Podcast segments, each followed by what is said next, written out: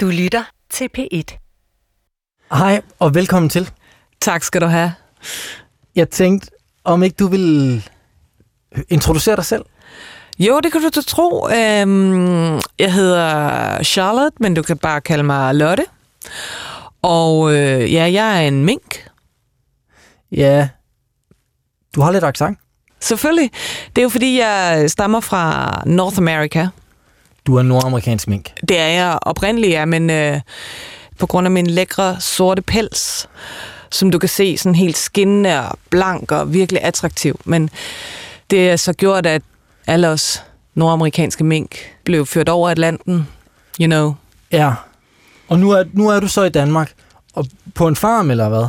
Jeg øh, blev sluppet fri, tror jeg faktisk. Øh, Det var midt om natten, og der kom sådan nogle lidt øh, hippieagtige typer og åbnede hegnet med en stor boldsaks, slap alle mig og mine fædre og kusiner ud.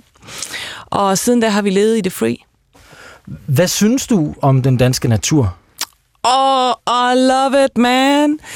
Det er bare helt tilbage til rødderne, you know, back to the roots. Der er rigeligt at spise, der er fri natur, der er ikke nogen af de der klamme stoltrådsbuer, som jeg var vant til fra mit liv i fangenskab. Jeg kan få mad, jeg kan få bad, jeg kan få alt, hvad jeg har lyst til.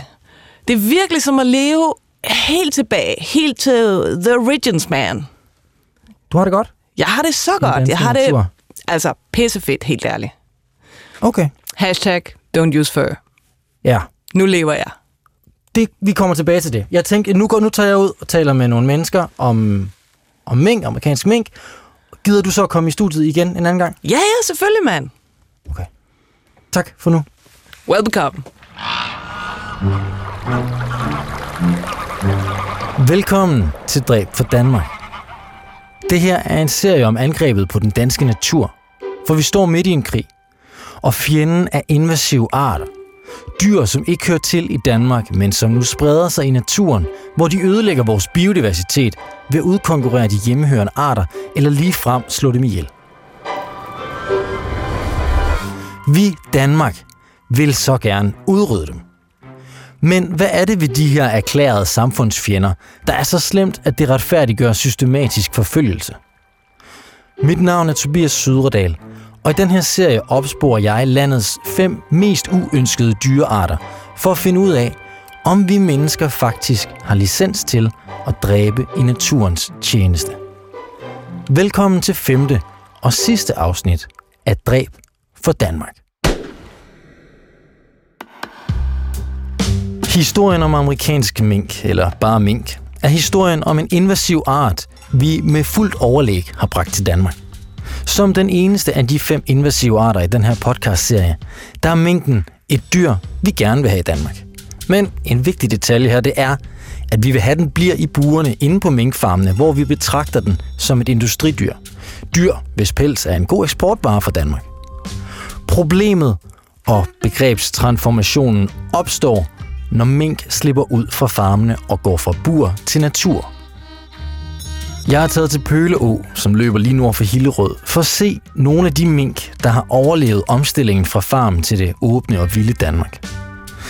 Derfor har jeg allieret mig med Jørgen Jacobsen. Han er jæger og autoriseret til at regulere den invasive art amerikanske mink. Han fanger minkene i fælder Her ser du så fælden pakket godt ind.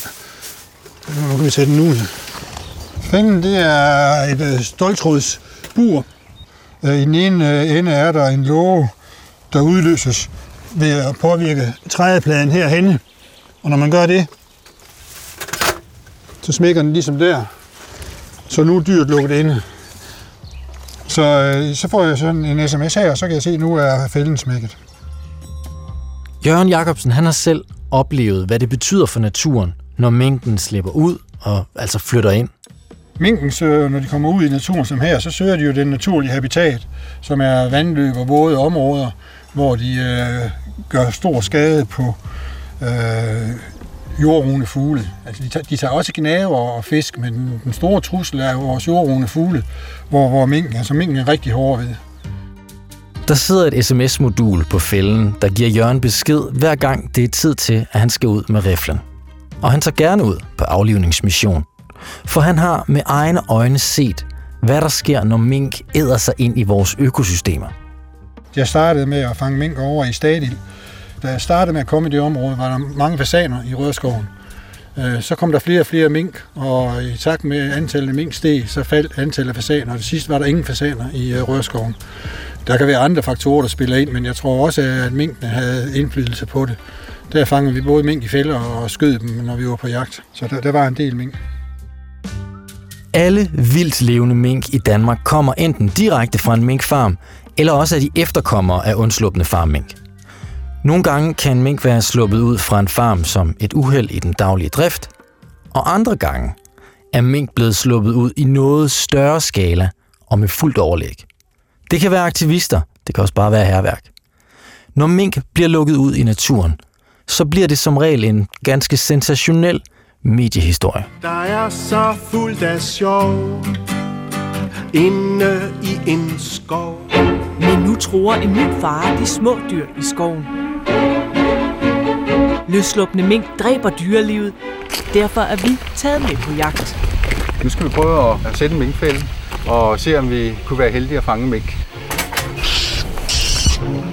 De seneste par dage har der været to herværk mod minkfarme i Vestjylland. Forleden var det 6.000 mink, der blev sluppet ud. I nat blev burene åbnet til 5.000 andre. Arkivet her i DR buner af historier om udslip fra minkfarme. Det er historier om frustrerede farmere. Jamen, det, det er jo frygteligt. Altså, det, det er jo et mareridt, og nu har vi jo lige øh, været igennem noget for to dage siden nede i Søndervig, så man frygter jo så, hvad de næste dage også kan bringe. Vi frygter jo, at det kan være noget organiseret øh, kriminalitet. Om dyrrettighedsforkæmpere Det, der er problemet, det er, at mængdens buer er for små. med graffiti på gerningsstedet Fur, shame, freedom og this is slavery. og historier om kaoset, når tusinder af mink er sluppet fri. Pelsavlere på jagt efter undslupne mink. Siden tidligt i morges har de jagtet tusindvis af de sorte dyr rundt om Per Pedersens minkfarm. Hvis man skal beskrive synet, da jeg var cirka halvanden kilometer fra minkfarmen, der løb der mink på vejen. Og lyskejlerne, der var mink overalt på asfaltvejen. Øhm, det var der i cirka 2 kilometers afstand rundt om farmen på daværende tidspunkt. Det viser sig, at alle Per Pedersens mink er blevet sat fri af ukendte gerningsmænd, og at 4.000 mink formentlig er sluppet helt ud gennem to huller i hegnet. Og det er en ej lille dræber, som øh, har et temperament uden lige. Nej, nu skal du også helt væk. Morgenjagt på mink ved Ringkøbing Fjord. De heldigste var dem, der blev fanget levende.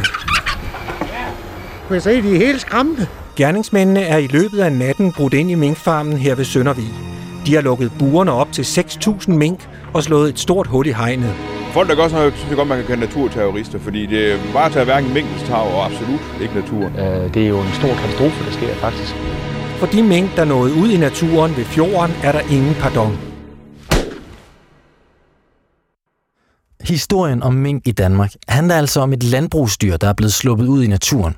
Og derude er de mink, som ikke blev skudt under flugten fra minkfarmen, altså blandt de fem mest invasive arter, vi har. Staten og industrien gør, hvad de kan for at forebygge udslip, men vil altså ikke stoppe med helt at have mink, selvom det nogle gange kan koste dyreliv og biodiversitet. Linjen er, at vi ikke vil give dem en plads i vores danske natur. På den anden side så hørte vi lige en dyrerettighedsforkæmper sige, at mink heller ikke har plads nok i burene på farmene. Uanset hvordan man forholder sig til dilemmaet om mink, så står minkjæger som Jørgen Jacobsen tilbage med en invasiv art, der skal bekæmpes. Kunne du forstå, hvis minken synes, det var lidt træls, at vi skyder den, og nu vi selv bliver ved med at lukke den ud?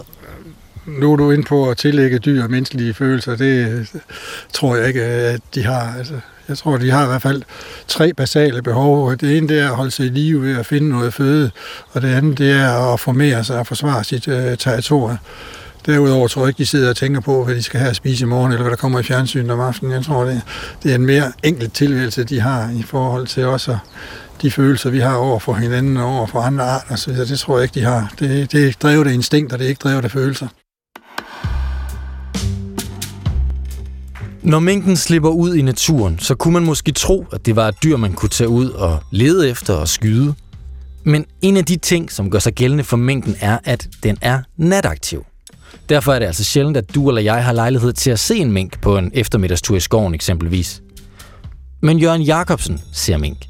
Og han har observeret, hvordan de spreder sig efterhånden, som de yngler og bliver flere og flere. Og når, når minkene flytter rundt, det er, de øh, etablerer territorier på langs sådan en å her, måske på 2-3 km, lidt afhængig af fødegrundlaget. Er der meget føde på territoriet, måske ikke være så stort, men er der mindre føde, så øh, er territoriet måske lidt større. Ikke? Og det, det prøvede de at hæve det, det territoriet. Han har et territorium, og hun har et andet territorium, men de overlapper hinanden, så den der også kan komme unger ud af det.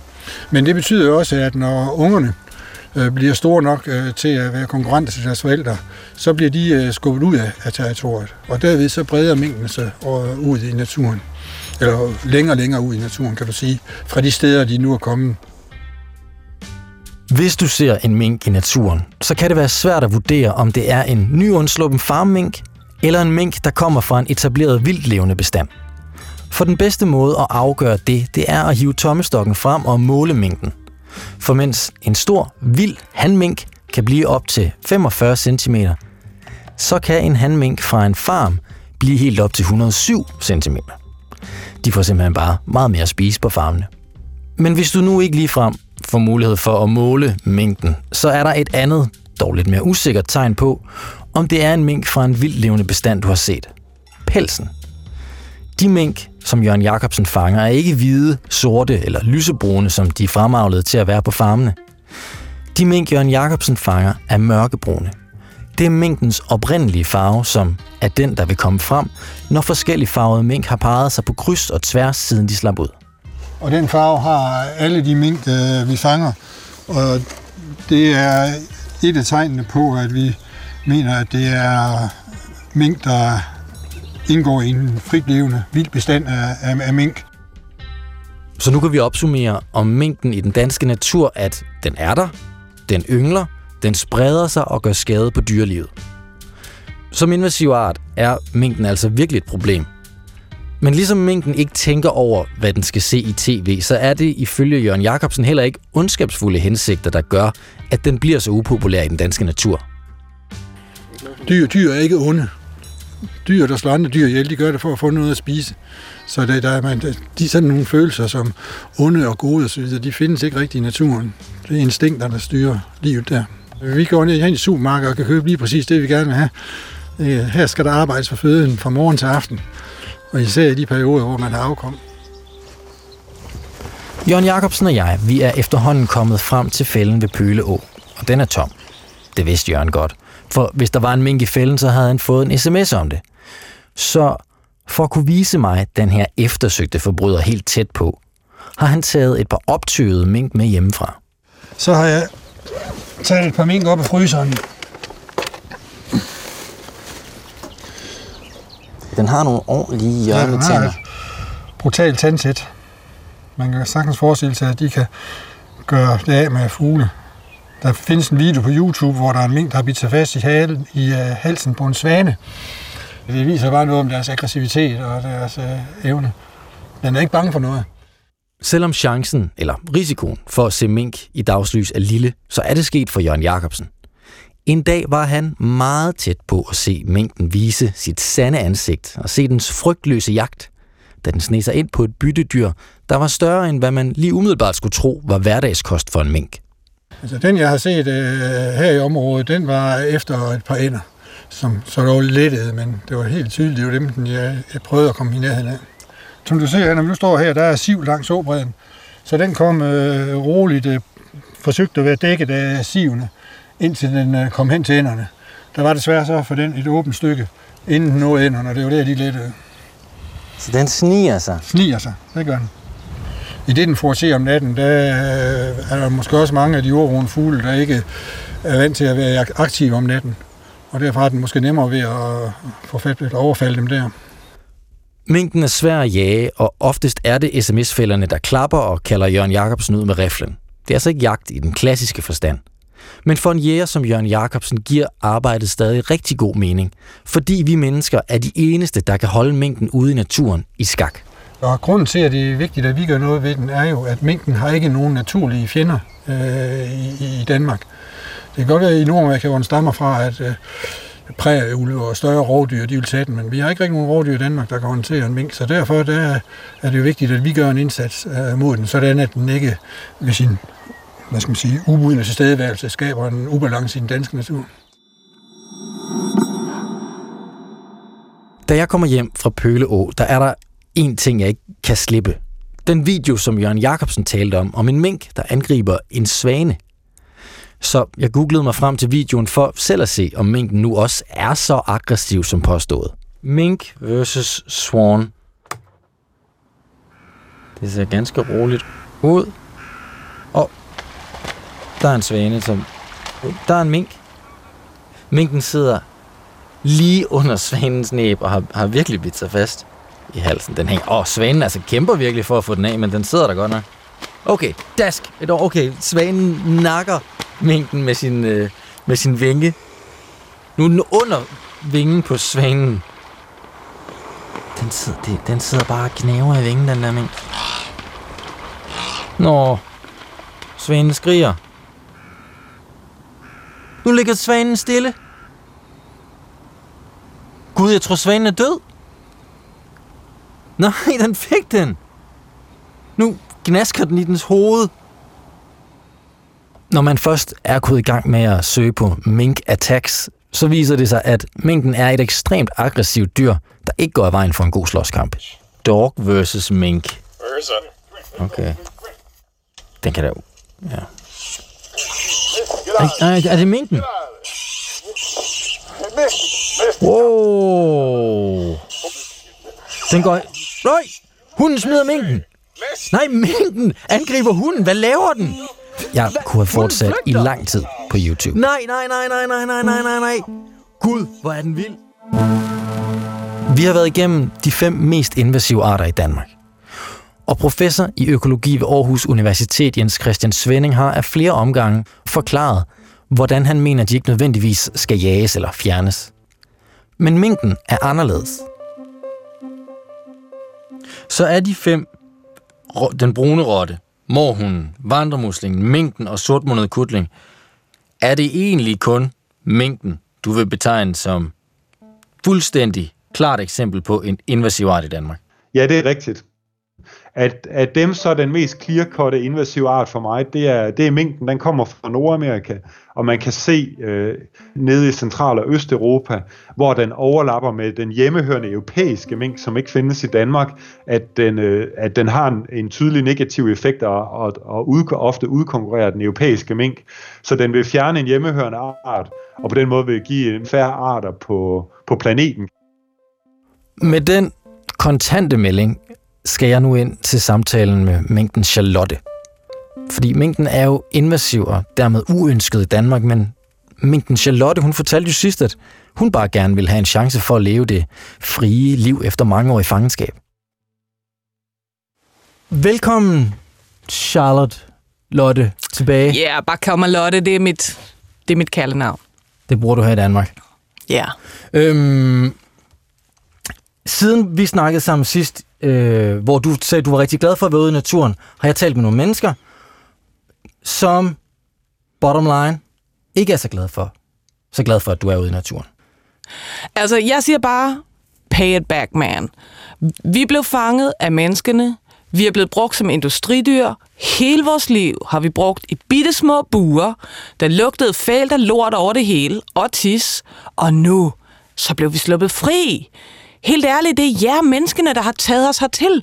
Og så nu kommer I og vi skyder os, og I kalder mig en invasiv art. Men det er jo ikke meningen, Come at de skal ud. Altså, det er jo ikke, fordi vi planlægger ikke, at de skal ud i naturen. Sagen er den, at du hører til, det lyder måske lidt hårdt, men du hører til i Nordamerika, og ikke i den danske natur. Jeg har det fedt i Danmark. Prøver jeg mad, jeg har øh, gode omgivelser, og bedst af alt, der er ingen naturlige fjender, bortset fra, ja, yeah, menneskerne. Ja, Øh, ja. Hvordan synes du selv, fordi det kan du, du selv lidt ind på det, ikke? Ingen fjender, ingen plads i økosystemet. Oh ja, yeah, det er skønt, Du tager jo lidt, det er i hvert fald en af de store anker, du tager pladsen fra nogle af dem, som er tilpasset økosystemerne, dem, som har været her i mange år. Don't be so old-fashioned. Ja. Make America proud again. Og vi vil ikke... Du er, du er for stærk, ikke? I virkeligheden så er det faktisk, jeg også talt med en ekspert, som siger, at du er den eneste sådan clear-cut invasive art, vi har i Danmark. Fordi alle de andre var måske kommet til alligevel, men du var ikke. Nej, planlægger at flå skinnet af os og holde os øh, i små buer i tusindtal. I vil bruge os som industridyr. I vil bruge os som ren ting. Men jeg er et dyr, mand. Jeg har et hjerte, der banker. Jeg har en mave, der er sulten. Jeg har små børn. Jeg har også lov til et liv her. Du virker i alt det her, øh, vi taler om her, relativt sådan omgængelig, men jeg har set videoer på YouTube, hvor I bider jer fast i først det ene, det andet og det tredje dyr. Altså, der er også noget aggressivitet ind under den pæne pels bevares. Hvor kommer den fra? Jeg tror, den kommer fra den gennem generationer opbyggede vrede mod menneskene. Jeg vil ikke behandles som en ting, mand. Jeg vil behandles som et dyr. Det dyr, jeg er. Det smukke, dygtige dyr, som jeg er. Tak skal du have. Okay. Skulle det være en anden gang? Nej, eller tak for nu. Vi er nået til vejs ende i Dræb for Danmark-serien her. Altså næsten. Vi fortsætter lige lidt endnu. Vi har talt med de fem mest invasive arter, og vi har hørt fra de danskere, der bekæmper dem. Mennesket ønsker en natur med en sund biodiversitet, men den er under pres fra de nye arter, der ødelægger og hæver. De kommer, fordi vi mennesker selv har transporteret dyrene hertil. Kommer på grund af klimaet, der har forandret sig, og fordi de kan vandre langt. Den udvikling stopper nok næppe. Men der er et tankeeksperiment, som en af de eksperter, der har været med i serien, arbejder med, der vil være interessant i den her sammenhæng. Det er professor Jens Christian Svending, som har undersøgt, hvordan naturen ville se ud uden mennesker. Mm. Jamen, hvis vi kiggede ud i den danske natur i dag, og der aldrig havde været mennesker på spil, så ville det være en meget vild natur, øh, der ville minde os om, øh, om øh, afrikanske økosystemer, velbevarede afrikanske økosystemer. Vi ville have de samme slags træer, som vi har nu. Øh, landskabet ville være en blanding af skov og, og åbne områder, men det ville selvfølgelig være sådan meget rodet, fordi naturen er jo ikke, opererer ikke efter de der fine øh, grænselinjer, som vi gør. Og så en af de ting, der ville virkelig slå os, det var, at der ville være rigtig mange store dyr. Og der taler vi både meget store dyr som elefanter og næsehorn, men også øh, vilde okser, vilde heste, øh, og så vil der selvfølgelig være hjorte som krondyr, dådyr og elsdyr. Øhm, og så vil der også være store rovdyr, der vil være ulve selvfølgelig, men der vil også være endnu større rovdyr, som for eksempel leoparder og løver. Øhm, det, det kan vi sige med meget stor sandsynlighed, det er sådan vores natur ville se ud nu, hvis der aldrig havde været mennesker på spil. Naturen uden mennesket ville være utæmmet og vild, men kontrolleret af de store dyr. Vil det så være en bedre natur? Biodiversiteten ville med stor sandsynlighed have det meget bedre uden os. Og det paradoxale ved den nuværende krise for mange arters overlevelse, det er, at det er også mennesker, der står bag, hvis ikke direkte, så indirekte. Og nu kæmper vi for at redde naturen ved at fjerne de arter, vi er kommet til at rykke rundt på. Det er noget råd. Og vi er nødt til at rydde op. Det mener formand for det dyreetiske råd, Bengt Holst. Hvis man til, tillod de der invasive arter bare at brede sig over hele jorden, så ville vi meget hurtigt få en meget mindre biodiversitet, altså artsmangfoldighed, set på, på klodeplan. Fordi det er nogle få dominerende arter, der så vil overtage livet på, på den jord over det hele. Altså hvis vi nu tager det helt ekstremt. Og det er ikke det, vi vil have, og det er heller ikke det, der er godt for hverken naturen, eller for os, eller for den måde, vi bruger naturen på, for vi lever jo også af naturens mangfoldighed. Der er en masse produkter, vi får fra naturen. Rationalet er, at udover vi mennesker ser naturen som en ting i sig selv, der skal bevares, så har vi også behov for naturen til både produktion af fødevarer, genstande og meget andet. Derfor bærer vi også ansvaret for, at naturen kan holde til det. Men de invasive arter, som vi selv ofte er skyldige kommer rundt på kloden, skader den balance. Derfor må vi regulere dem. Vi har så som menneske besluttet, at vi vil, vi vil satse på at bevare den biodiversitet, den artsmangfoldighed, der er, ved at sørge for, at det er den lokale fauna og flora, der får lov at blomstre og leve videre, mens det, der kommer udefra, som faktisk kan udrydde en stor del af den lokale fauna og flora, øh, det er bandlyst. Så hvad gør vi? Hvad skal jeg gøre? Hvad skal du gøre? Nu har vi været i gang med med den her serie at forstå de invasive arter, forstå krigen i den danske natur. Men er jeg, og er du, er vi klar til at gå ud og dræbe for Danmark? Det spørger jeg professor Jens Christian Svending, om vi bør gøre. Synes du, at vi som danskere skal gøre noget ved de invasive arter? Skal vi gå ud og dræbe for Danmark? E- egentlig ikke. Altså, det, det føles jo godt at, at gå ud og, og, og holde fremmede arter nede. Jeg tror, og det er sådan meget håndgribeligt. Jeg tror, det er derfor, at det appellerer til mange, men, men, men rigtig meget af det er ikke særlig nyttigt. Det, der, det er ikke det, naturen har brug for. Naturen har brug for plads og for, at, på, og for at vi får genetableret de naturlige processer, for eksempel de store, vilde øh, planteæder ude i økosystemerne. Øh, det er det, naturen har brug for meget mere end sådan noget håndholdt bekæmpelse af, af fremmede arter. I den her serie har vi fokuseret på de fem mest invasive arter i Danmark. Vi har zoomet ind på, hvad det er ved en specifik art, der gør den skadelig, og som retfærdiggør den systematiske forfølgelse af dyret. Men den her rettergang, altså hvis staten altid skulle have dokumentation for dyrets skadelighed, før man begyndte at bekæmpe det, den risikerer at være til skade for naturen, siger Bengt Holst. Fordi hvis vi først skal dokumentere, at de gør en skade, så har de jo allerede levet et vist antal år i den danske natur, har måske endda nået at etablere sig i en grad, der siger spørg 2, så de er svære at komme af med igen. Og så er skaden egentlig sket allerede. Så den sikre metode er at sige fra start af, hvis de kommer ind, og de ikke hører til oprindeligt, så skal de ud igen. De skal ud igen.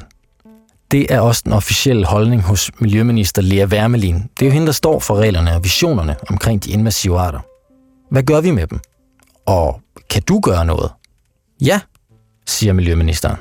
Som dansker kan man sagtens have en, en vigtig rolle i, at vi ikke får spredt de invasive arter. Og så er der selvfølgelig nogen, som tager et større ansvar, for eksempel hjerne, som øh, gør et stort stykke arbejde for at regulere de morhunde, som, øh, som vi kan se har spredt sig meget, desværre.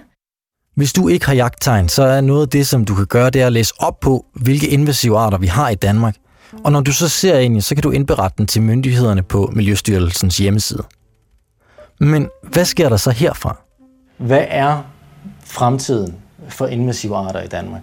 Fremtiden for invasive arter, tror jeg, er, at der bliver en endnu større opmærksomhed på det. Der har jo igennem rigtig mange år været en øh, stor indsats, også fra den side, for at bekæmpe de invasive arter, men i takt med, at ikke bare klimakrisen er kommet højere op på dagsordenen, men også naturkrisen er kommet højere op på dagsordenen, så er der også blevet meget større opmærksomhed på, hvad er det for nogle presfaktorer, der er?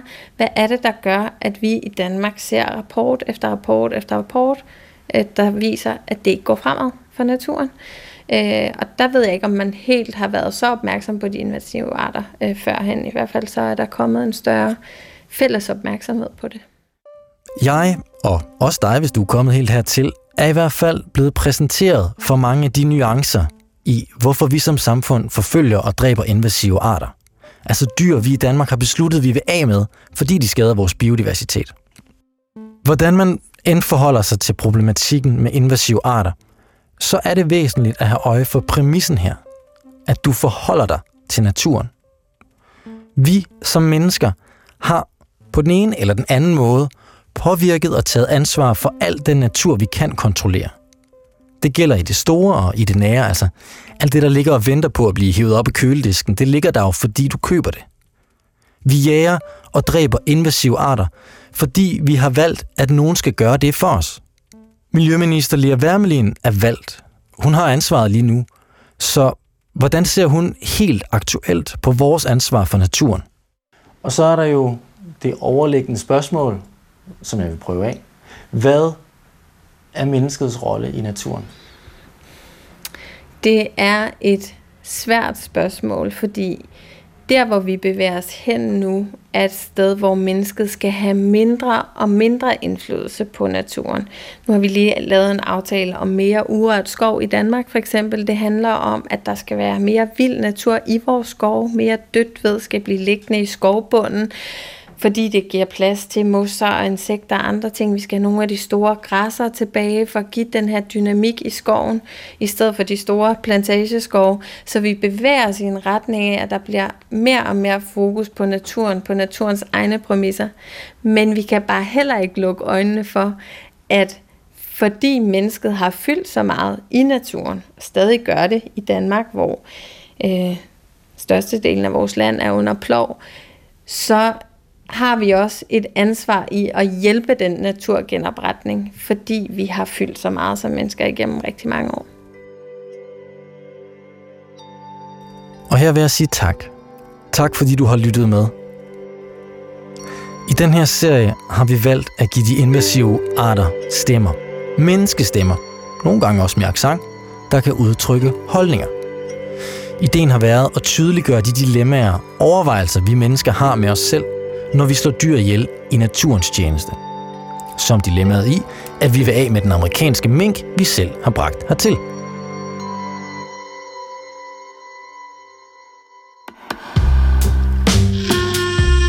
Dræb for Danmark er lavet i samarbejde mellem DR og Naturmødet. Christoffer Heide Højer og jeg, Tobias Sydredal, har optaget og skrevet. David Lønge har klippet det sammen, og så har han lavet al musikken. Chefen for det hele, han hedder Carsten Nyman. Og den her episodes disnificerede invasiv art blev spillet af vært på Sygt Nok på P1, Maja Thiele.